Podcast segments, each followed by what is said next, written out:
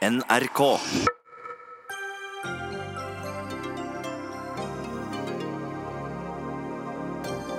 Skrot sukkeravgiften og erstatt den med en helsebegrunnet avgift, foreslår utvalg. Det nytter ikke med avgifter for å redde folkehelsa, protesterer NHO. Turistbusser blir bedt om å holde seg unna Oslo sentrum. Det kan ta knekken på turistnæringa i byen, sier Oslo Guide. Studentorganisasjonen vil kutte alle bånd til oljenæringa for å redde klima. Dere har oljen å takke for gratis studier og billige studentboliger, svarer Frp. Og prinsesse Märtha Louise skal på turné med en sjaman. Et av stoppestedene er Stavanger domkirke. Dette er imot alt kirka står for, sier kirkegjenger. Dialog, svarer presten.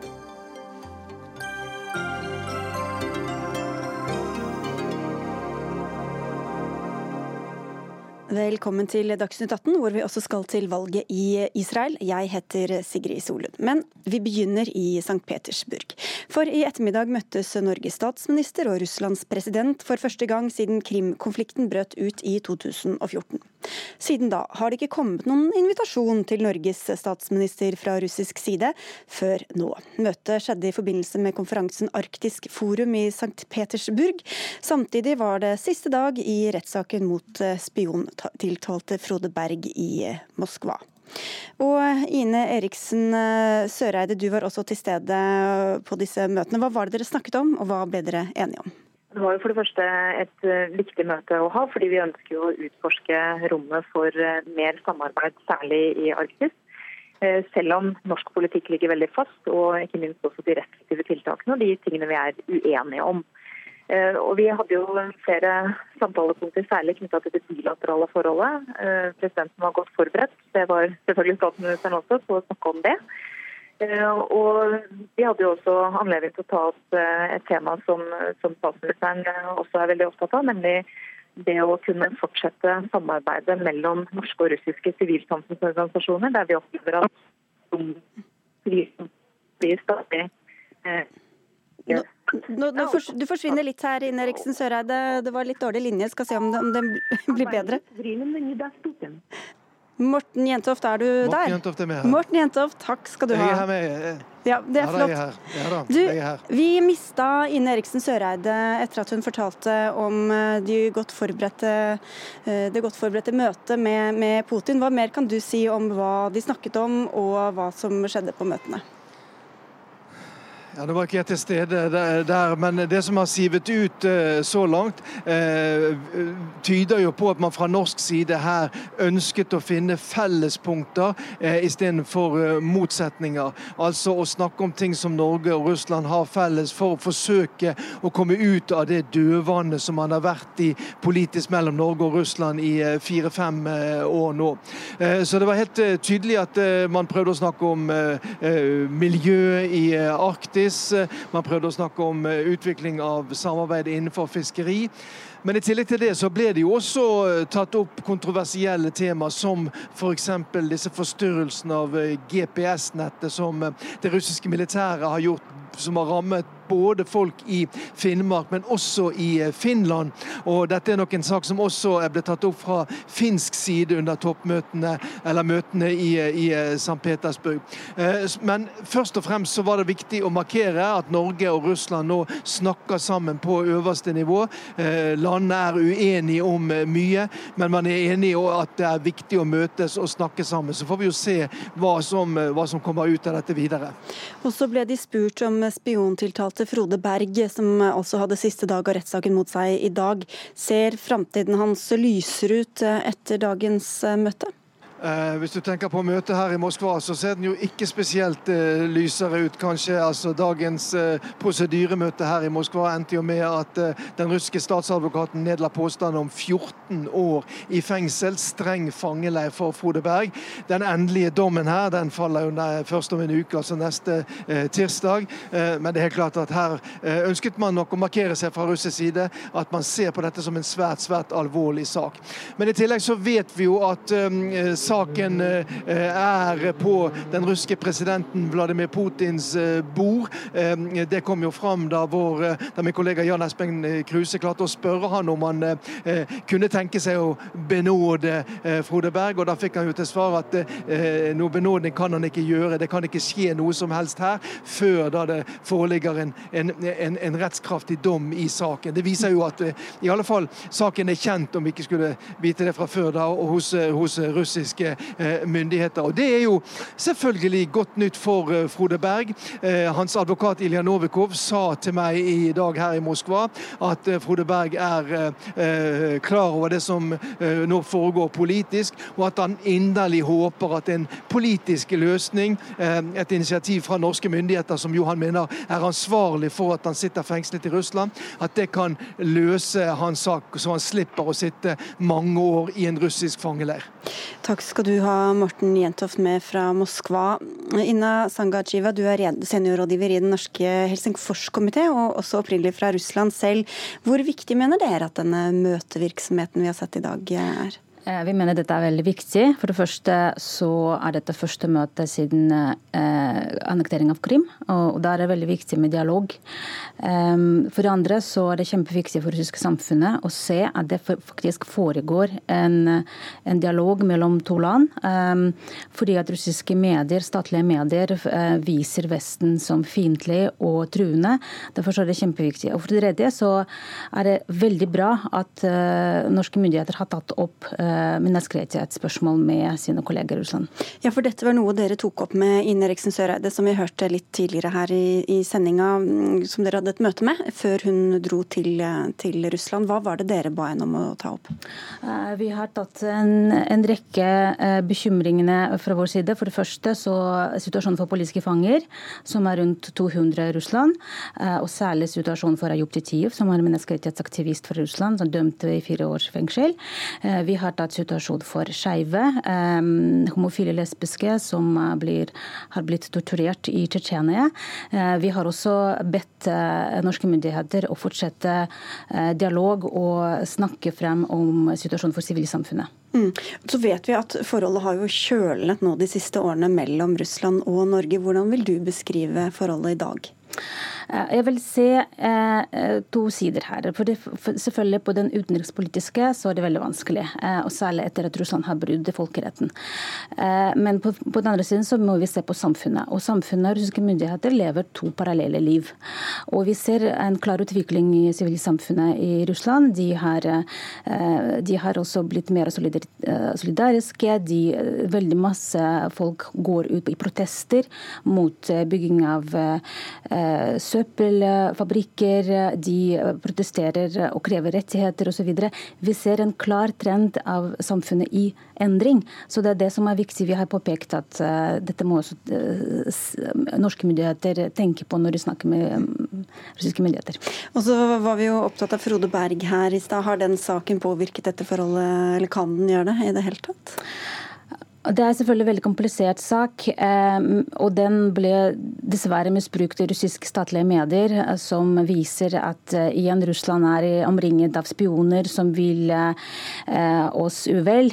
Men på den andre siden så ser vi også at informasjonen om den saken blir publisert. Rodeberg har advokat, og det er kjempeviktig at russere selv ser hva som egentlig foregår. Mm. Takk skal du ha, Ina Sangershiva, for at du var med i, i Dagsnytt 18, altså senior i Den norske Helsingforskomité. Takk skal du ha. Dagsnytt 18 alle hverdager klokka 18.00 på NRK P2 og NRK2.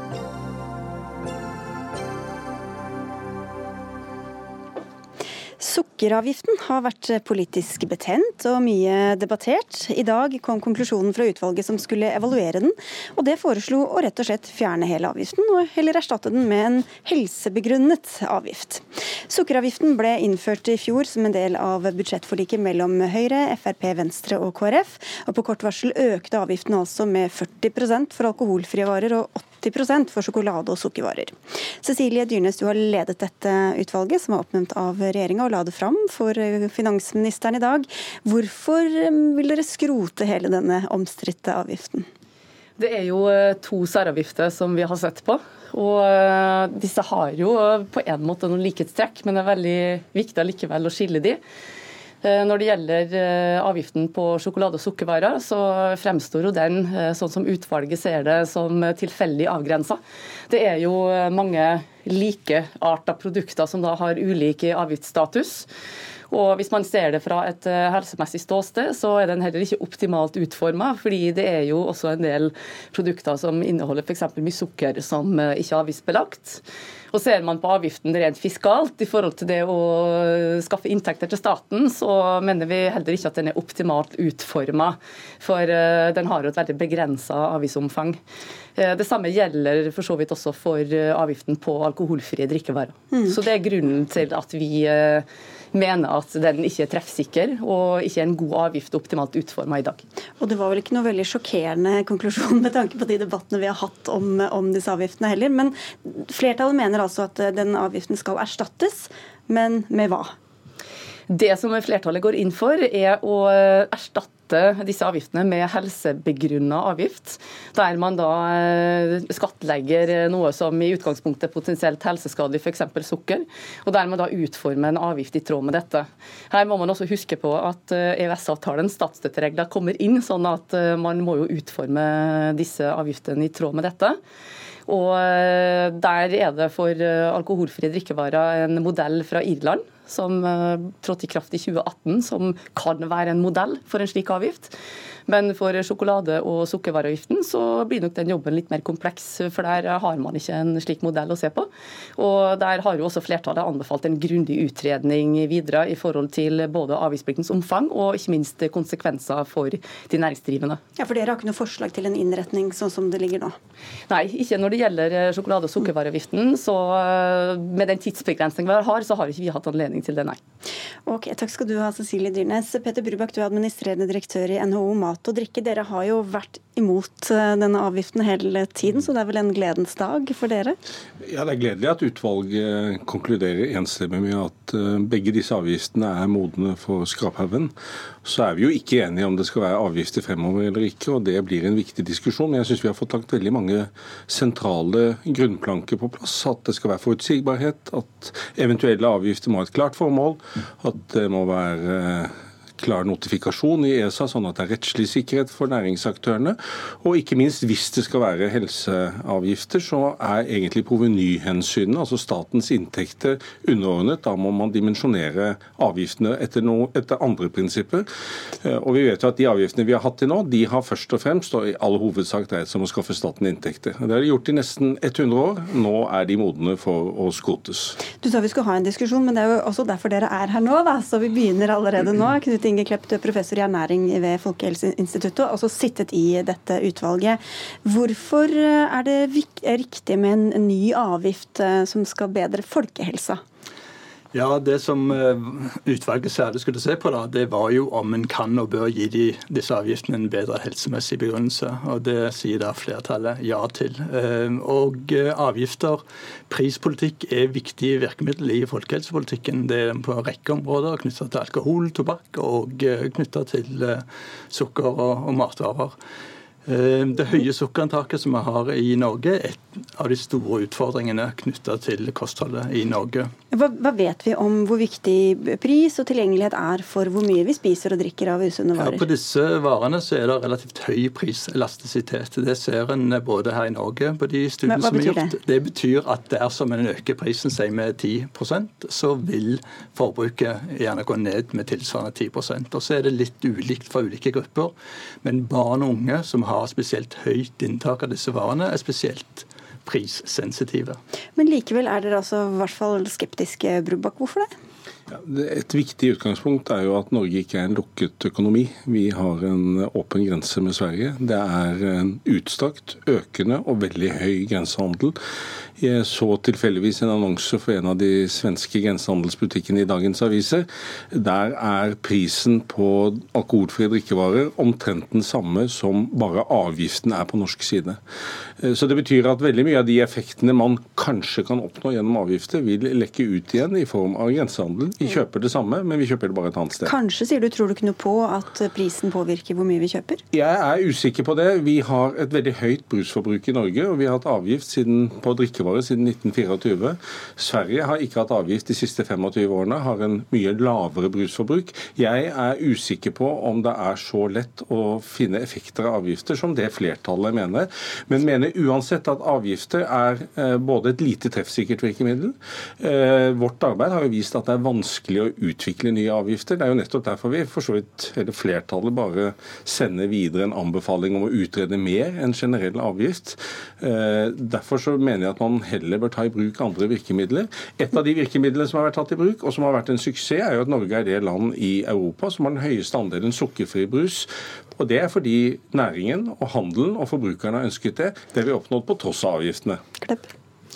Ja, nei, Vi mener at uh, pris er et viktig virkemiddel. Det har ligget fast i norsk næringspolitikk i all den uh, tid. Uh, og vi ser at dersom nå vi skulle følge forslaget til Brubakk om å redusere, ta bort disse avgiftene, så ville altså de matvarene som vi, helsemyndighetene vil folk skal spise mindre av, bli mye billigere. 4,5 milliard kroner billigere. Det ville føre til mye høyere inntak. Men du, du, du, nevnte Sverige, Brubakk. Men det, kan det ikke være tenkes at uh, hvis de har vært vant til lave priser, så er de vant til de prisene, mens vi sammenligner prisene mellom uh, Norge og, og Sverige, og, uh, og, dermed handler veldig mye når vi er der, men at det er når prisen reguleres opp eller ned, at det påvirker forbruket?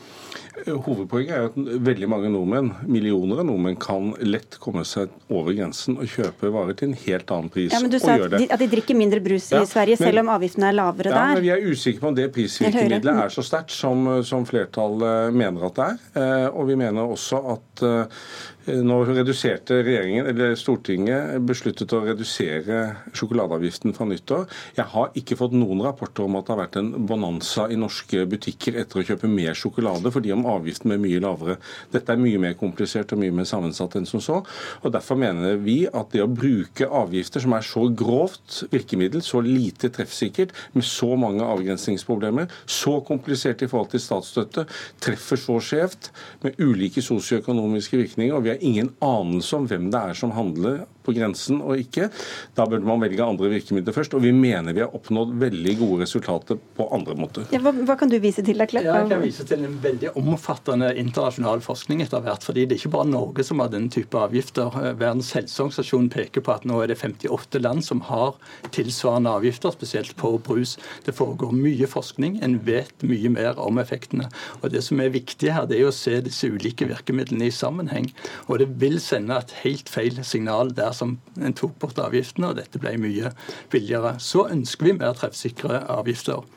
Og Det er nettopp det som er grunnen da, til at utvalgets flertall sier at en ønsker en tydeligere helsebegrunnelse. Altså, nøyaktig innretning vet du ikke ennå, men hvor mye må avgiften egentlig opp? Altså om, det, om, en sjokolade går fra å koste 30 kroner til 32 kroner, så er det kanskje ikke det som får den store, den Nei, store utslaget? Verdens helseorganisasjon de har estimert dette når det gjelder drikke på brus. og Da sier de at en prisøkning på 20% det er riktig nivå. Og i Norge, den avgiften vi tilfeldigvis har på brus i dag, den tilsvarer ca. 20% av utslagsprisen. Så da kommer de bredt billettene fra Sverige til å bli enda høyere? i Nei, Det er dagens, eh, dagens, eh, utkast, eller dagens avgift. Og så er det ingen antydning til at det ble økt grensehandel siste året når en hadde disse høyere avgiftene i Norge.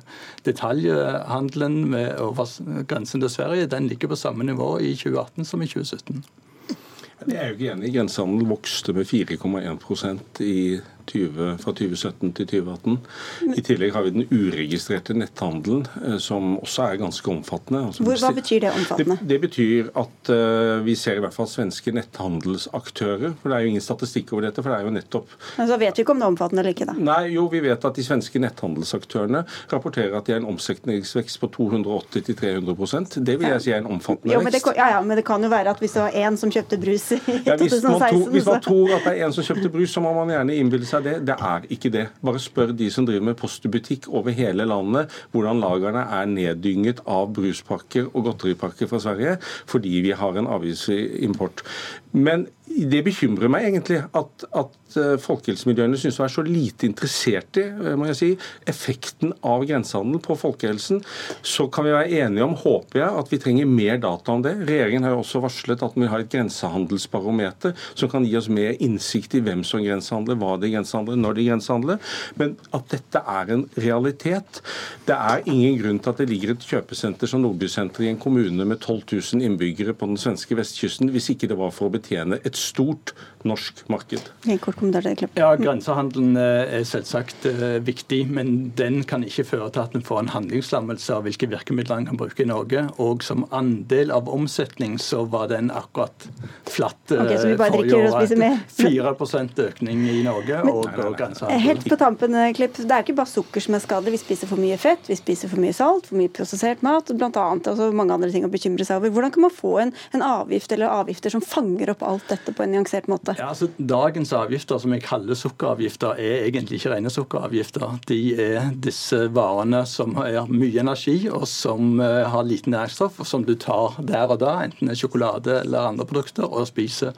Og eh, Det er nok noe av det som en må gå nærmere inn på og se. Da er det mulig å fange opp flere av disse varene som har lite næringsstoffer, mye energi, og derfor bør spise mindre av. Det høres ut som det er duket for mange nye diskusjoner, i hvert fall. Da får vi si tusen takk for at dere kom til denne, Cecilie Dyrnes, Petter Burbakk fra NHO og Knut Inge Klepp fra Folkehelseinstituttet.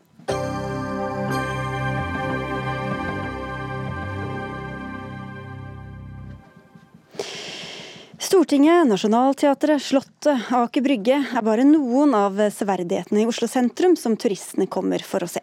Men nå ber Bymiljøetaten i Oslo kommunene turistbussene som kjører disse turistene om å holde seg unna sentrum. Og dette er dere mildt sagt lite begeistra for, Tove Gjersrud. Du er sertifisert Oslo-guide. Vi får bare nevne for skams skyld at du også står på lista for Oslo Høyre. Hva er det som er så problematisk med at disse turistbussene ikke får fritt fram i Oslo sentrum? Um nå ber vi ikke om at de skal få fritt fram, eh, bare så det også er sagt. Problemet er at denne sommeren kommer det hundrevis av grupper til Oslo som har bestilt og betalt for en sightseeing i byen. På den lista de har fått over hva de skal se, står Stortinget, Nationaltheatret, Rådhuset, Karl Johan, Studenterlunden og Akershus festning og Aker Brygge. Det må vi stryke fra den lista. I tillegg står det selvfølgelig Vigelandsmuseet, eller Vigelandsparken og Holmenkollen og Bygdøy. Det får de fremdeles se, men det er en veldig stor del av den lista vi må stryke. Da blir gjestene lei seg. Men det er sikkert veldig mange av våre lyttere, enten de bor i Oslo eller ikke, som har vært eh, på disse stedene og vet at de ligger ganske kort eh, avstand fra hverandre. Hvorfor kan de ikke gå, i stedet for å sitte inne i en buss og se det derfra? Du og jeg kan gå. Og det er veldig mange turister i Oslo som allerede går.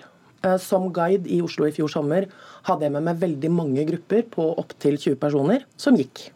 Og det er det mange, stadig flere som gjør. Problemet er når du skal ha med deg 50, og de har tre timer til å se byen. Og de vil opp på Holmenkollen, og de vil ut på Bygdøy. Og så ønsker de også å se de viktigste attraksjonene vi har i sentrum. Og det er det vinduet vi har til å friste dem til å komme tilbake og se mer neste gang. For det som er viktig å huske på her, er at halvparten av turistene som bor på hotell i Oslo, det er de som skal videre til Vestlandet neste dag. De skal ikke være her. De har de tre timene til å se byen, og nå får vi ikke lov til å gjøre jobben vår og vise den. Og det syns vi er kjipt. Så da skal de ikke dra til Bergen neste gang, men komme til Oslo og bli her lenger? Det er det som er målet? Det er målet, og vi får det ganske ofte til. Sirin Stav, politisk rådgiver for miljø og samferdsel for Miljøpartiet De Grønne. Hvorfor skal man gjøre det så vanskelig tilgjengelig for turister i disse bussene? Ja, så Vi skal ikke gjøre det vanskelig tilgjengelig for turister. Vi ønsker turister eh, hjertelig velkommen til Oslo. I år som eh, Oslo er miljøhovedstad, Europas miljøhovedstad, så har vi veldig mye å vise fram. Eh, både kommunen, innbyggere og næringslivet. Men det er også sånn at Oslo sentrum er ganske relativt eh, lite innenfor ingen eh, kompakt område. Hvor, og vi får stadig flere turister til byen. Ved Rådhuset, som har vært sånn dropppunkt før, så har vi hatt opp mot 50 turistbusser i timen. Og det sier seg jo selv at det kan skape en del trafikkfarlige eh, situasjoner. Eh, både for fotgjengere og syklister. De er ganske svære, de bussene? De er store. ikke sant? Det er ikke små busser det er snakk om, det er store busser. Eh, og det skaper kø for kollektivtransporten og for varelevering. og Og det gjør det også mindre trivelig for de som bor i byen og andre tilreisende uh, å bevege seg i Oslo sentrum på den fineste tiden av året. Ja, og Det ønsker vi å gjøre noe med, og derfor lager vi disse retningslinjene, uh, som er da anbefalte kjøremønstre. Anbefalte kjøremønstre, Så det er ikke ja. nye regler, eller hva er det det går Nei, ut på? Nei, altså, uh, Det er jo et anbefalt kjøremønster og forslag til dropzone. Det er ikke forbudt å kjøre i sentrum, men vi oppfordrer disse store bussene. Hvis det er noen som er, har spesielle behov, så må de selvfølgelig få bli transportert dit de har behov, men det er ganske mange av dem så har muligheten til å gå for disse troppsonene øst og vest i sentrum. Eh, Kongens gate og Håkon Syvs gate, hvor det er mange Det blir litt lokalt. Eh. Ja da, men det er i hvert fall flere, eh, flere plasser der til turistbusser. Nært både Akershus festning og Slottet og Rådhuset. Og det er jo ganske korte avstander det er snakk om da for de, som, eh, de turistene. Kanskje de kan komme tilbake og se resten hvis de ikke rekker. Hvis de skal være her noen få timer, så er det kanskje ikke en menneskerett å rekke å se hele Oslo på, på noen få timer. da. Vi ønsker å prioritere de som bor i byen også.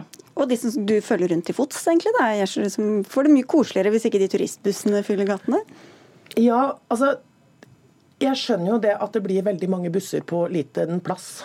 Eh, og det blir jo ikke bedre det av at de bare har én gate å kjøre i. Selvfølgelig blir det da mange busser på liten plass. Eh, og når man snakker om 50 busser i timen, ja det kan nok skje når de har én gate alle må sluses gjennom.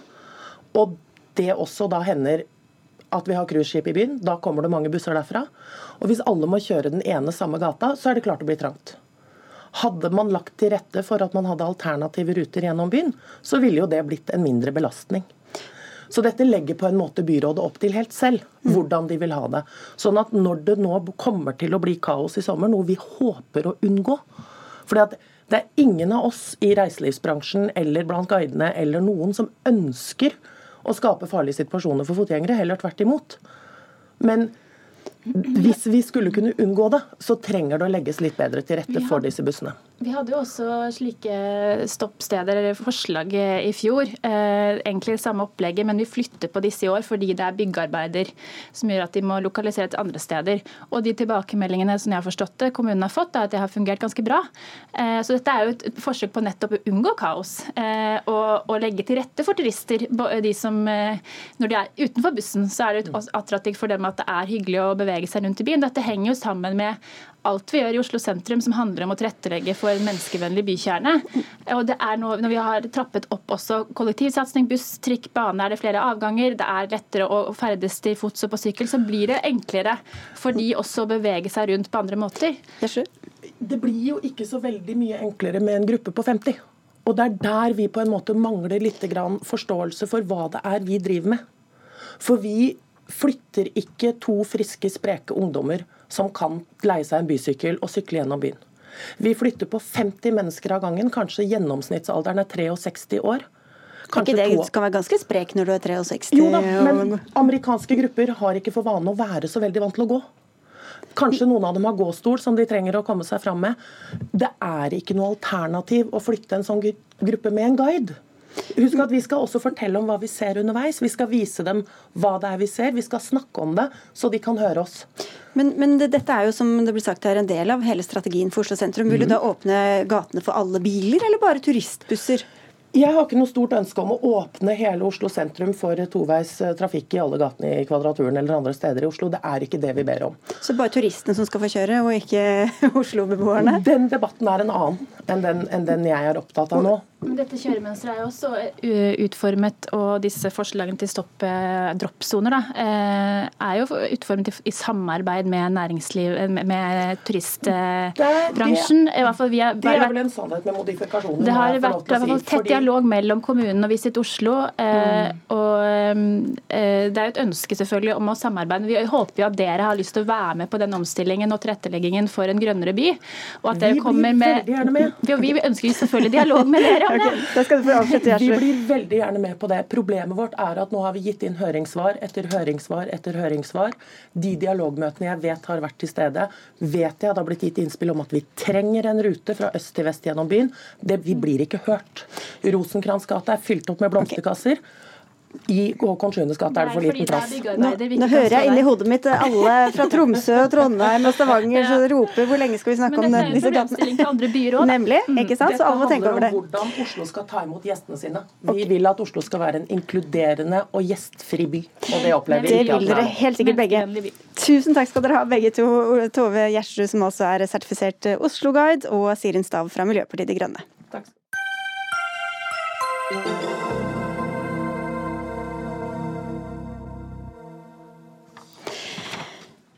Stem på blå og hvit, lyder valgkampropene i Israel, i hvert fall fra opposisjonen. Dagens valg i Israel kan bli historisk. For første gang ser det nemlig ut til at opposisjonen har en reell sjanse til å vinne mot Benjamin Netanyahu. Kristin Solberg, korrespondent i Israel, hva skjer der nå i ettermiddag? Jeg står nå her utenfor der valgvaken til eh, Netanyahus Likud-parti eh, kommer til å fortsette utover kvelden. Ehm, og her er det jo mange som er svært spente. For eh, dette er jo første gang på eh, ti år at eh, Netanyahu har en motstander som faktisk kan vinne valget. Det er ikke sikkert hvem som vinner her. Det er ikke sikkert at Netanyahu fortsetter som statsminister. Og dette handler jo også i stor grad om hvilken retning Israel kommer til å gå i fra nå. Eh, og hvem som skal styre det. Eh, og For Netanyahu så handler det også eh, om hans politiske overlevelse. Og med korrupsjonsanklager hengende over seg, så kanskje også om hans frihet. Kristin, hva slags temaer er det som har preget valgkampen? Ja, dette er en valgkamp som har eh, vært i stor grad fokusert på person, eh, og ganske lite på sak. Dette valget blir jo kalt egentlig en folkeavstemning eh, om Netanyahu. Det har jeg hørt flere ganger ved valgurnene i dag. Men av saker så er det i israelske valg så er det ofte sikkerhet som dominerer agendaen. Og da snakker vi ikke om fredsprosess eller mulig tostatsløsning, men israelernes opplevelse opplevelse av sikkerhet, eh, av det eh, en del eh, ser på som trusselen fra grupper som Hamas eller land som Iran. Og på nettopp den fronten så har jo Benny Gantz som tidligere hærsjef og general vært i en unik posisjon til å utfordre Netanyahu. og Det er nok en av grunnene til at han har kommet og blitt godt, så godt motsatt som det han faktisk er blitt. Så er det også en annen sak som har vært i valgkampen valgkampen, det har vært eh, eh, økonomi. Eh, økonomien har vokst under Netanyahu, men levekostnadene er høye, og en del familier er i skvis. Det har også vært et tema. Men til dette med sikkerhet, som du nevnte. Hva er det de to forskjellige kandidatene sier som skiller seg på dette sikkerhetsspørsmålet?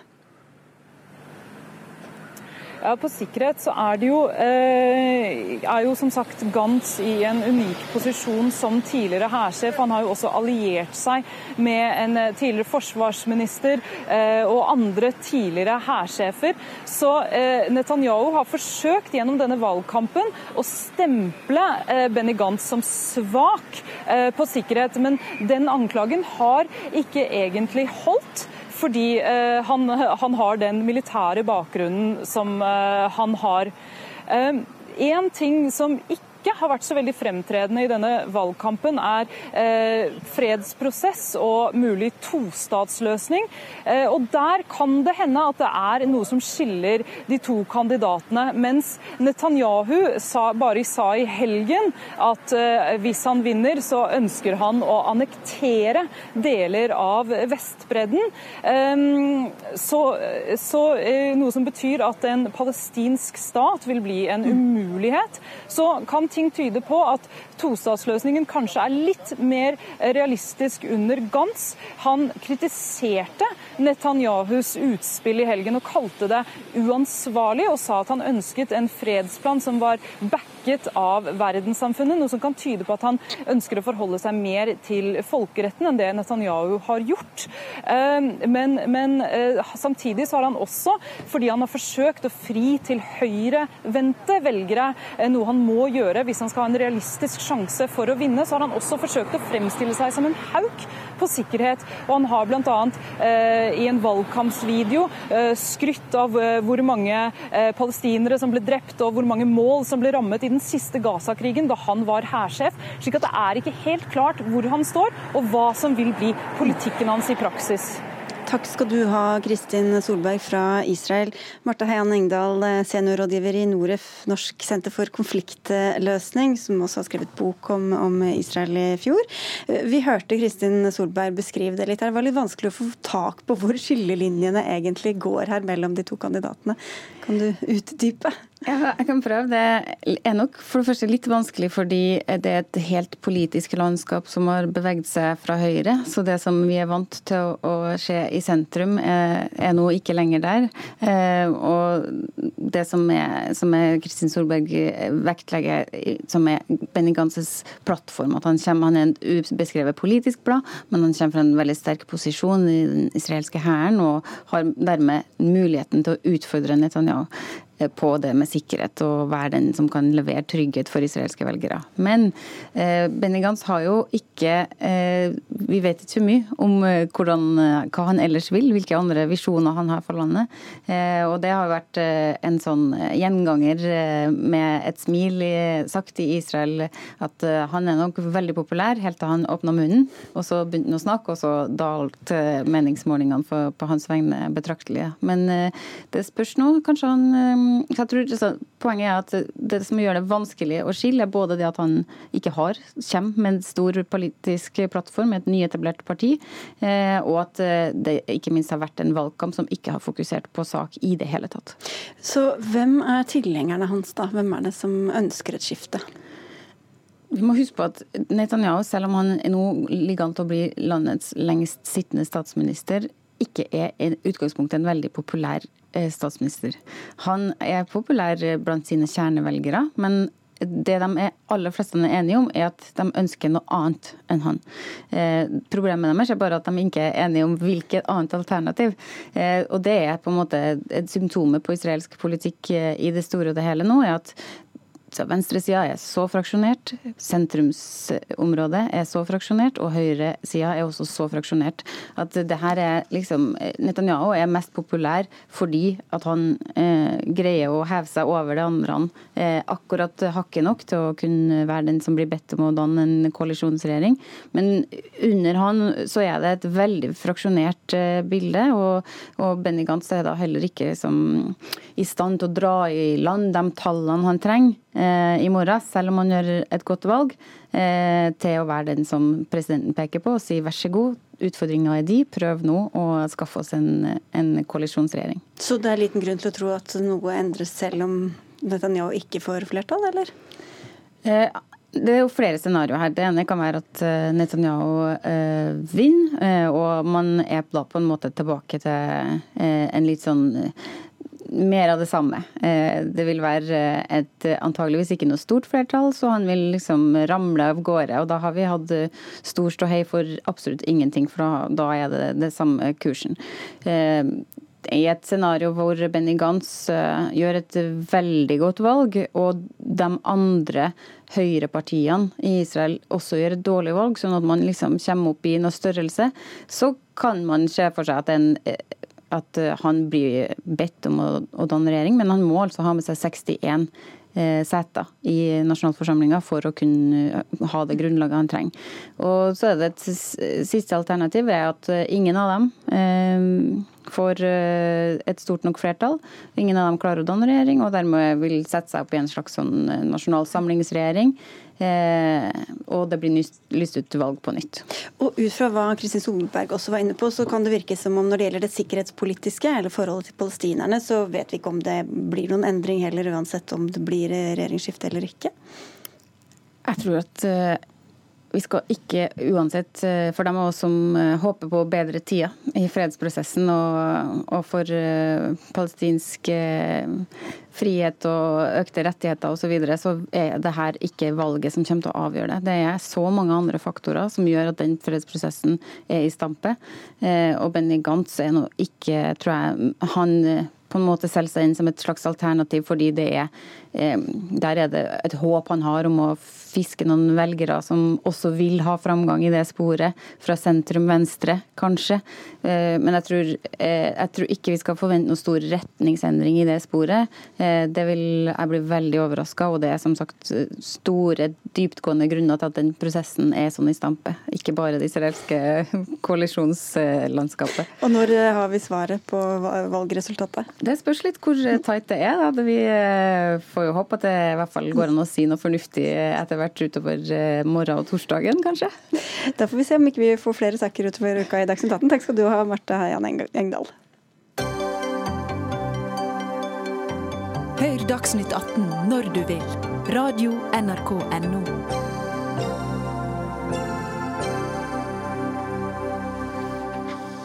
Den norske stat må utfase petroleumsvirksomhet til fordel for mer klimavennlig virksomhet. Dette vedtaket kommer ikke fra en miljøorganisasjon eller et landsmøte, men, eller partilandsmøte, men fra en studentorganisasjon. På lørdag vedtok nemlig NSO, Norsk studentorganisasjon, dette og flere andre punkter for å omstille Norge fra petroleum til fornybarsamfunnet. Røe Steffensen, stortingsrepresentant fra Fremskrittspartiet. Du eh, skrev på Twitter i går at eh, studentene med dette trekker stigen opp etter seg. Hvorfor er det en treffende beskrivelse? Jo, eh, altså NSO er en nasjonal interesseorganisasjon som jobber for bedring av studentenes rettigheter. Jeg mener at å stenge oljekranen vil ikke gjøre det, snarere tvert imot. Eh, vi har altså eh, verdens beste låne- og stipendordninger. Eh, vi har bygger billige studentboliger. Vi sørger for altså studiestøtte. Og dette skyldes i stor grad inntekter som vi har fra oljeindustrien. Og Hvis du skal, skal fase ut oljeindustrien, som bidrar bare i år med 286 milliarder kroner i inntekter, så er det klart at da kan du ikke forvente å eh, beholde alle de utgiftene vi har i dag. Mm. Ergo eh, de er villige til å trekke opp stigen, eh, fordi at de som kommer etterpå, kan ikke forvente å få beholde alle de samme godene. Men så kan man jo snu på det og si, med tanke på hva slags klode generasjonene før etterlater seg, hvem er det som egentlig trekker stigen opp etter seg da i den sammenheng? Nei, eh, jeg mener jo at vi, eh, vi, sørger for et bærekraftig samfunn med at vi satser på oljeindustrien. Vi, eh, vi satser på samferdselsbygging, vi satser på, på styrke konkurransekraften til næringslivet. Fordi at vi skal ha inntekter som sørger for at de som kommer etter oss, òg har de godene som vi har i dag. Og det er ikke så farlig med et par tre-fire graders global oppvarming? Nei, men Vi reduserer jo utslipp allerede i dag. Eh, de siste to åra har utslippene gått ned, eh, både, eller også innenfor olje- og gassindustrien. Eh, og så har òg f.eks. utslippene innenfor transportsektoren blitt redusert med 9,5 Ok, vi, trenger, vi kan jo ta det økonomiske først. Håkon Michaelsen, du er avtroppende leder av Norsk studentorganisasjon. og det er jo som det blir sagt her, Dere vil ha bedre studentfinansiering, flere studentboliger, bedre rammevilkår. Hvordan skal dere ha råd til det? Eller vi da som samfunn har råd til det? Når dere samtidig vil takke nei til inntekter fra olje- og gassindustrien? Vi mener jo først og fremst at vi tar ansvar. Eh, for det første i klimaperspektiv. Eh, for det andre så mener vi også at norsk økonomi skal være bærekraftig i fremtiden, altså om 50 år, at det fremdeles er sånn. Eh, og hvis velferdsstaten ene og alene er avhengig av oljeinntekter for å være bærekraftig, så tenker jeg at eh, Roy Steffensen burde jo være enig med Norsk studentorganisasjon. Da må vi finne flere bein å stå på. Og da tror jeg nettopp sånn som vår resolusjon adresserer, at universitet- og høyskolesektoren og norske studenter må være med i den omstillingen. Eh, og vi må sørge for at vi har omstillingskompetanse og kan bidra til innovasjon innenfor flere næringer. Sånn at vi kan gå fra ett ben å stå på til kanskje 100 ben å stå på. Da, for vi vi kommer tross alt ikke til å finne én næring som kan erstatte oljeindustrien. Og Dette er jo også noe regjeringa også sier. ikke sant? Vi må bort fra oljeavhengigheten. Vi må få flere ben å stå på. Hvorfor er det kritikkverdig når NSO sier det? Eh, fordi at Vi snakker ikke om at vi skal fase ut oljeindustrien. Vi sier at oljeindustrien kommer til å være viktig i mange tiår framover. At eh, den som skal slokke lyset på norsk sokkel, er sannsynligvis ennå ikke født. Eh, vi har sagt at vi vil fortsette med norsk oljeindustri, fordi at vi vil òg sikre studentenes rettigheter i framtida. Men så er vi òg opptatt av å omstille oss, som jeg sa. Altså, vi, vi har økt samferdselsinvesteringene med 75 Vi har redusert skatter og avgifter med 25 milliarder kroner for å styrke konkurransekraften til næringslivet. Og vi satser massivt på å øke kompetansen innenfor, eh, innenfor skole og forskning og høyere utdanning, fordi at det er avhengig av å omstille oss, så vi får flere bein å stå på. Så vi holder på med begge deler. Vi satser på oljeindustrien, men vi prøver òg å sørge for at vi skal ruste oss til å få eh, andre næringer som kan, kan bidra med gode inntekter i framtida. Erna Solberg sa jo selv i sin tale til landsmøtet i Høyre, det var vel allerede i 2017, at den nye offensive klimapolitikken er kommet for å bli, og oljealderen kommer aldri tilbake. Og så tror jeg at Den norske oljenæringen den har vært ekstremt lønnsom, eh, men det norske innovasjonssystemet den, stor, den støtter i stor grad oppunder norsk olje og gass. Eh, og det er jo nettopp det, For å få flere ben å stå på, så må vi begynne å fase ut for å kunne sørge for at velferdsstaten også er bærekraftig, men aller helst også at klimaet er bærekraftig. Da. Mm. Jeg kan jo bare minne om det at eh, vi hørte så sent som i fjor høst at vi nå styrer mot en oppvarming med de tiltakene vi har eh, satt i verk, mm. mot tre til fire grader. Og det, hvis studentene sier at da er det viktigere for oss å prøve å redde klimaet enn å ha disse inntektene fra olje og gass, så er vel det en ærlig sak? Men eh, vi har sagt at vi skal opprettholde forpliktelsene i Parisavtalen med å redusere utslippet i Norge. Eh, lederen av FN, men så ser de at det skjer ikke. Men lederen av FN sitt klimapanel sa selv til NRK 7.11. I, i fjor eh, at det er fullt mulig for Norge å drive med, eh, norsk, drive med olje og gass, og samtidig klare å ivareta sine miljøforpliktelser. Sa også at, at oljebruken må ned mellom 50 og 90 og, innen det, 2050. Og det handler, ja, men, men, da er det også spørsmålet hvor skal, hvor skal oljeproduksjonen gå ned? Skal det være i Norge, eller skal det være i Russland, skal det være i Saudi-Arabia? eller over i Afrika, eller er det USA som skal ta kutta?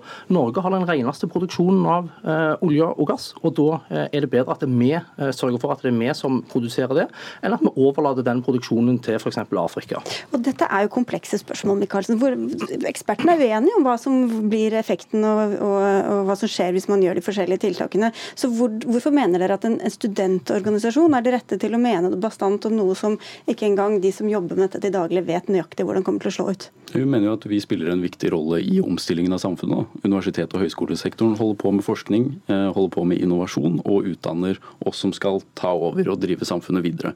Og Da mener vi at vi har en helt sentral rolle i hvordan det samfunnet skal se ut, og også eh, finne de nye løsningene som vi er avhengig av. Så.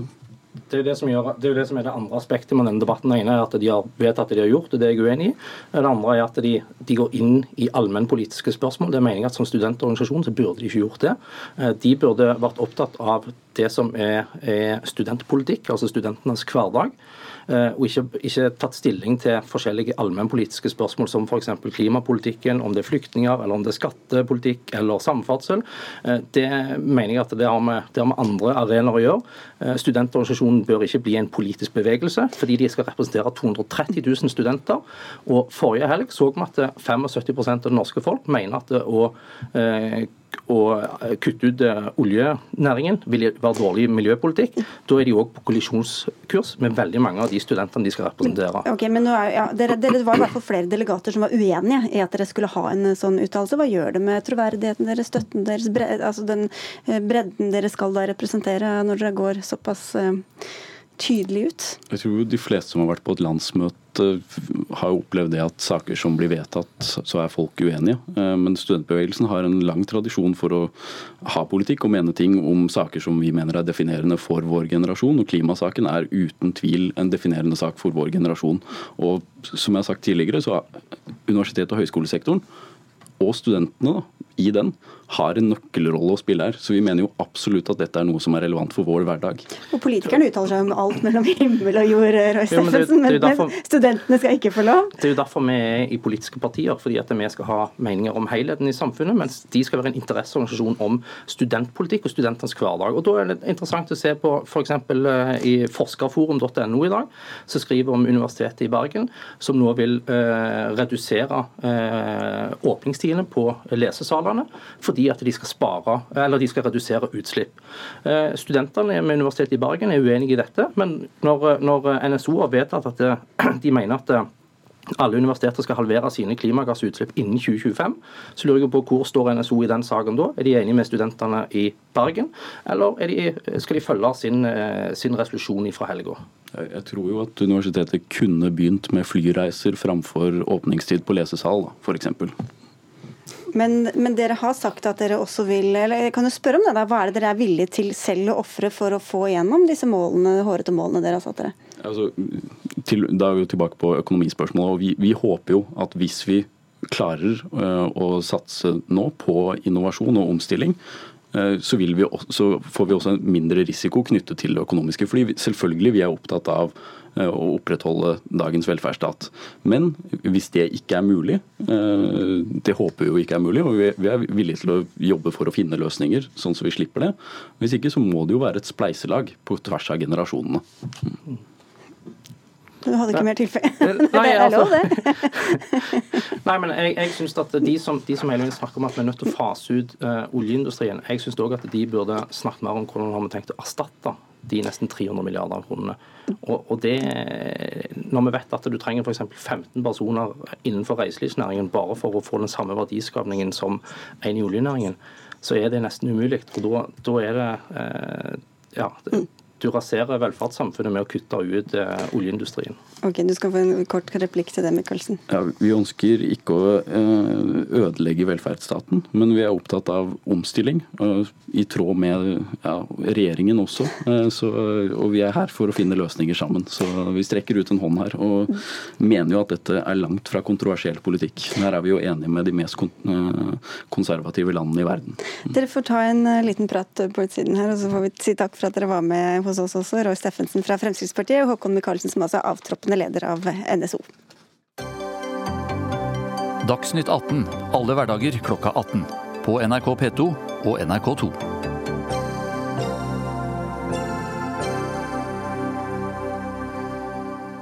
Prinsesse Märtha Louise skal på turné med en sjaman i flere byer i Norge.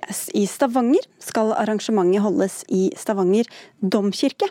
Der skal sjaman Durek og prinsessen snakke om livets mysterier og hvordan man kommer i kontakt med sin indre kraft. Dette hører ikke hjemme i en kirke, sier du Alan Fasott, du er blogger og kirkegjenger. Hva er det som er så problematisk med dette? For det første så er det den informasjonen og invitasjonen som er blitt sendt ut, eh, som jeg oppfatter som en introduksjon til sjamanisme. Noe jeg tror de fleste kanskje er enige ikke skal være Norsk kirke. Den andre tingen er at denne informasjonen eh, strider mot vedtaket som er gjort i menighetsrådet. Jeg har nettopp snakket med en misjonær som kommer fra Asia nå, og hvor sier at sjamanisme er et enormt problem. Eh, hvor de opplever at befolkningen ikke lar, seg utvikle. og sjamanismen blir solgt inn som innpakka i selvutvikling, helbredelse og velvære. Indre ro, akkurat som prinsesse og sjaman gjør her. Ja, jeg kan eh, lese litt fra hva som ja. Vent litt, grann, så vi vet litt mer om hva vi ja. snakker om. For det her står det prinsesse Märtha Louise og sjaman Durek inviterer til en reise i livets mysterier. Hvordan komme i dypere kontakt med din indre kraft og øke bevisstheten, så du tar fram den egentlige deg, uansett hvor du er i livet. Disse kveldene kan eh, det være du vil bli utfordret til å utvide horisonten og få noen verktøy med på veien, så du kan komme i en dypere forståelse av hvem du er. Og dette koster altså 595 kroner per eh, billett. Eh, før du får fortsette, Fasot, eh, Silje Trym Mathiassen, du er dialogprest i Stavanger domkirke. Hvorfor hører dette hjemme i en kirke? Ja, for det første vil jeg bare si det er ikke Stavanger domkirke, det er St. Petri kirke i Stavanger. Beklager.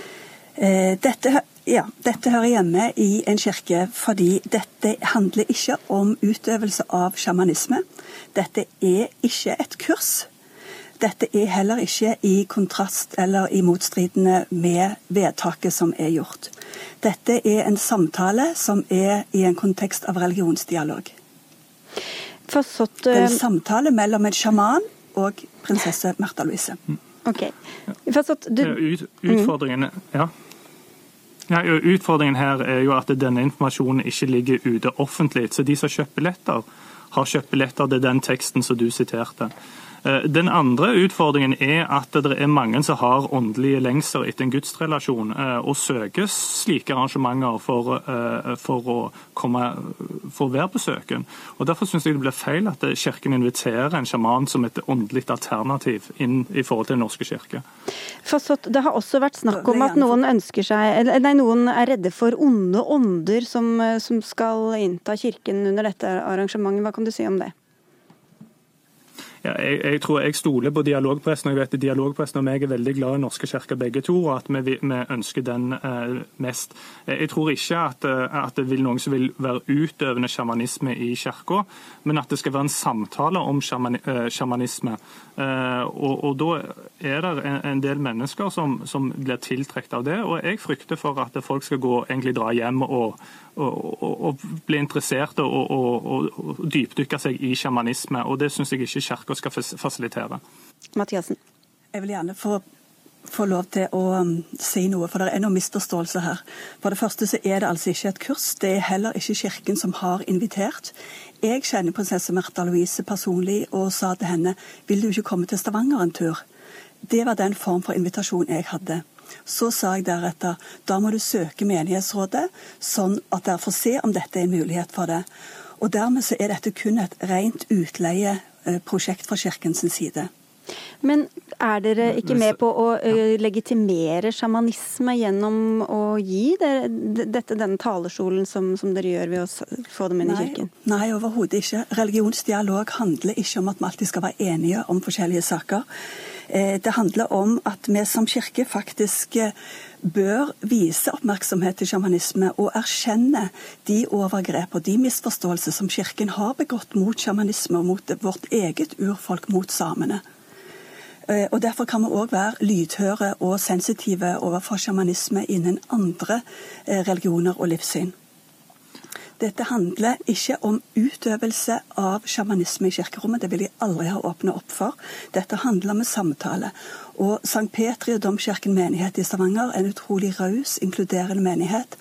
Hvor vi òg tidligere har hatt samtaler med mennesker fra andre religioner. Vi har hatt samtaler med imam, vi har hatt samtaler med ledere for Alternativmessen og samtaler med ledere fra Human-Etisk Forbund. Det å ha en samtale i et kirkerom, det er det plass for i Den norske kirke. Og, og Der er vi ikke uenige. Eh, men nå er jo eller muslim eller imam en religion, og sjamanisme er okkultisme ofte. Og, og det, er, det, som er utfordringen med, med denne dialogen, er pga. denne ånds, ånds, åndlengselen som finnes, så er det litt sånn å, å dra på et Grete Rode-kurs, og så skal man snakke om kake. Det er, kake er godt, det, men ikke for folk som ønsker å leve sunt og ha en god relasjon eh, til den, den, guden vi snakker på, eh, til og, og tror på. Og så er det det, det med raushet. Eh, jeg er helt for Kirken er for og åpen for alle, men det betyr ikke at man kan gi en mikrofon til alle som kommer inn i kirken.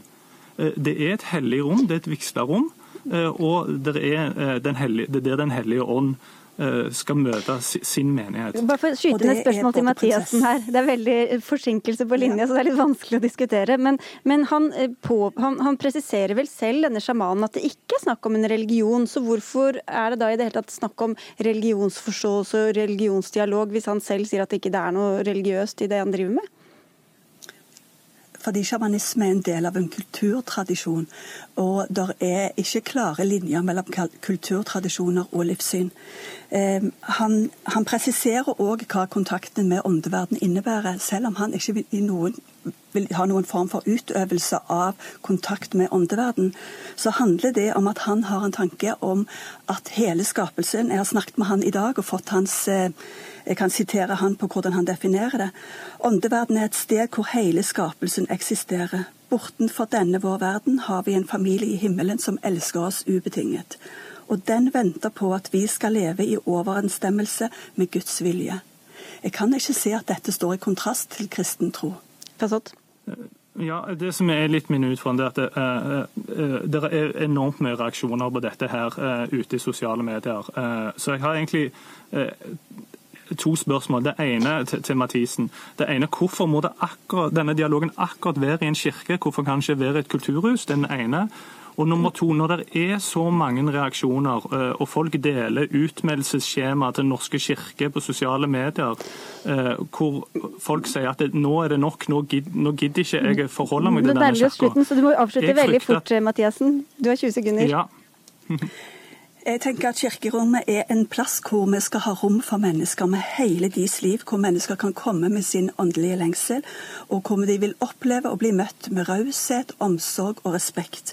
Og vi tenker at ved å lytte til hva som er viktig i andre menneskers liv, så bidrar vi til akkurat dette, og på den måten forkynner vi evangeliet. Da får vi si takk til dere i Stavanger, Erland Fasott, og Silje Trym Mathiassen, som også er dialogprest i Stavanger domkirke. For Dagsnytt 18 er over for i dag. Vi er tilbake ved samme tid i morgen. Simon Skjelbostad Yseth, Erik Sandbråten og jeg, Sigrid Solund, takker for følget.